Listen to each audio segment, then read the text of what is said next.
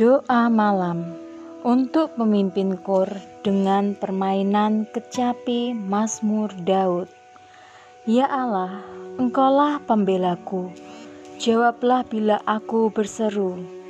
Waktu aku susah, Engkau menolong aku. Sekarang kasihanilah aku dan dengarlah doaku. Hai orang-orang, berapa lama lagi kamu menghina Allahku? Sampai kapan kamu mencintai yang sia-sia dan mengejar yang tidak benar?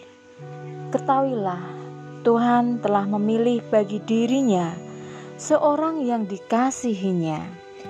Tuhan mendengarkan bila aku berseru kepadanya. Gemetarlah ketakutan dan jangan berdosa lagi.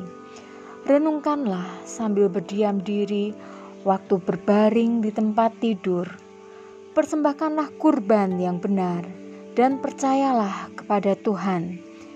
Banyak orang bertanya, siapa yang akan memberkati kita?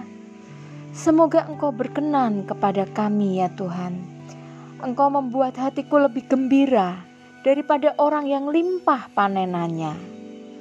Maka aku berbaring dan tidur dengan tentram. Sebab hanya Engkau, Tuhan, membuat hidupku aman. Dari hal ini, kita belajar ada beberapa hal penting yang perlu kita perhatikan untuk kita bisa hidup benar dan berkenan kepada Tuhan. Yang pertama, janganlah mencintai hal-hal yang sia-sia.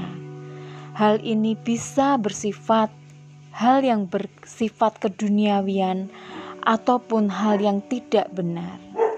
Yang kedua, renungkanlah hidup kita ini adalah atas anugerah Tuhan dan hidup kita adalah berkat Tuhan semata-mata.